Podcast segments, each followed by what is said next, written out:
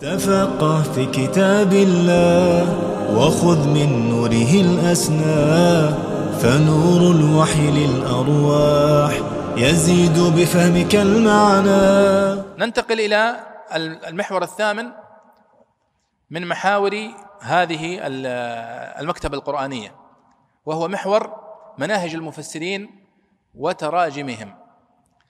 الآن الواحد منكم يسأل يقول لي وش منهج الطبري في الكتابة؟ منهج ابن كثير منهج ابن جزي منهج فلان منهج علان منهجه في التفسير.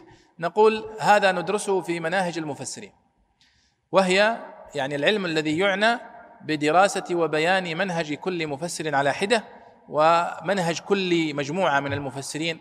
فمثلا تفسير الفقهاء تفسير اللغويين تفسير الأندلسيين تفسير النيسابوريين تفسير وهكذا.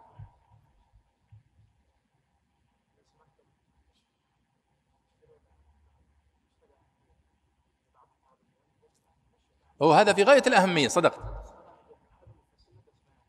نعم صدقت نعم نعم. طبعا على كل حال لا تستغرب. طبعا الأخ يقول يعني قد يسأل سائل ويقول ما فائدة دراسة مناهج المفسرين؟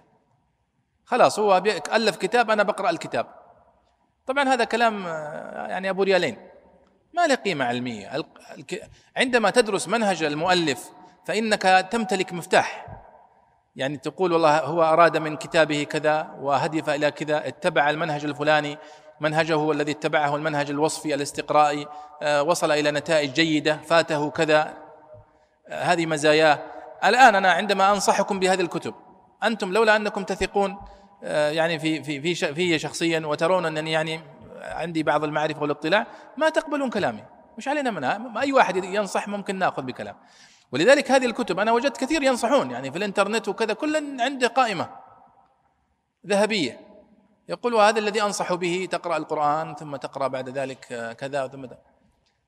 طبعا لكن الناس يأخذون ويدعون صح؟ نعم فأنت تجرب لكنك أنت بقدر ثقتك في الشخص الذي ينصحك يكون قبولك للنصيحة واتباعك للهدف يعني للنصيحة. فالذي يقول ويزهد في معرفة مناهج الكتب في التفسير في اللغة فهذا مخطئ مخطئ بل هي يختصر عليك الوقت. لذلك أنا أنصح دائما قبل أن تقرأ كتاب ابن كثير اقرأ كتاب في منهج ابن كثير في تفسير. فإذا قرأت منهجه مصادره التي اعتمد عليها قيمتها آه، كيف وظفها كيف صاغها هو ممتاز. ثم تقرأ تقرأ وأنت عندك خارطة طريق. تماما يمشي على خريطة واللي ما يمشي على خريطة. فهذا لا شك أنه مفيد. في مناهج المفسرين. هناك كتاب اسمه مختصر مناهج المفسرين. للدكتور محمد أبو زيد. مختصر قواعد مختصر مناهج المفسرين للدكتور محمد أبو زيد. هذا كتاب مطبوع. آه، اختصر فيه مؤلفه كتاب التفسير المفسرون للذهبي. في مجلد واحد. فإذا أردت أنك تعرف مناهج المفسرين الموجودة في السوق أو أو يعني معظم المفسرين ارجع إلى هذا الكتاب. إذا أردت التوسع فعليك بالكتاب الأصل وهو التفسير والمفسرون للدكتور محمد حسين الذهبي. أنا لو كان لنصحتكم بالتفسير المفسرون فقط لكنني هناك بعضهم يريد الاختصار قليلا ويقول أريد أني أعرف منهج المفسر باختصار. في صفحتين ثلاث أعرف أبرز مزاياه مصادره مراجعه فخلاص هذا ينفعه. مختصر مناهج المفسرين للدكتور محمد أبو زيد. الكتاب الثاني التفسير والمفسرون للدكتور محمد حسين الذهبي. بعض طلاب العلم وبعض الشباب يظن أن تفسير المفسرون للذهبي أنه للذهبي صاحب كتاب سير اعلام النبلاء. أي نعم والدكتور محمد حسين الذهبي هو أستاذ مصري كان وزير الأوقاف رحمه الله.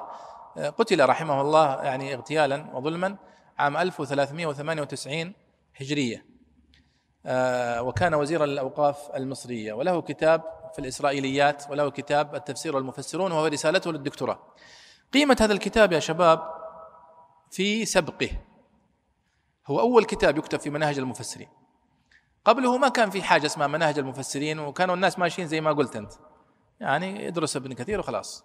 لكن هو جاء فدرس هذه الكتب ومناهجها وقيمتها وقسمها وقال هذه تفسير بالمأثور وهذا وهو أول من قسم ترى إلى التفسير إلى التفسير بالمأثور والتفسير بالرأي. ودخل الناس في متاهة رحمه الله. الناس جاءوا بعده مسكوا الخط. والصحيح أنه تقسيم غير حصري. ليست التفاسير تفسير بالمأثور وتفسير بالرأي. لا. الطبري تفسير بالمأثور وبالرأي مع بعض. نعم فهذا يعني على كل حال موجود فيه.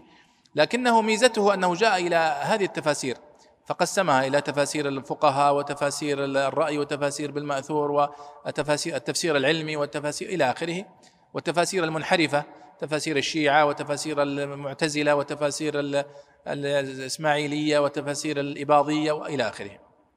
فالكتاب كتاب قيم جامع شامل من يقرأه منكم. وأنا أتمنى أن الواحد يعطيه. شوفوا يا إخواني نحن عندما ننصح بالكتب ونتكلم عن المكتبة القرآنية ولا المكتبة الحديثية معناها معناها أنك تقرأ هذه الكتب.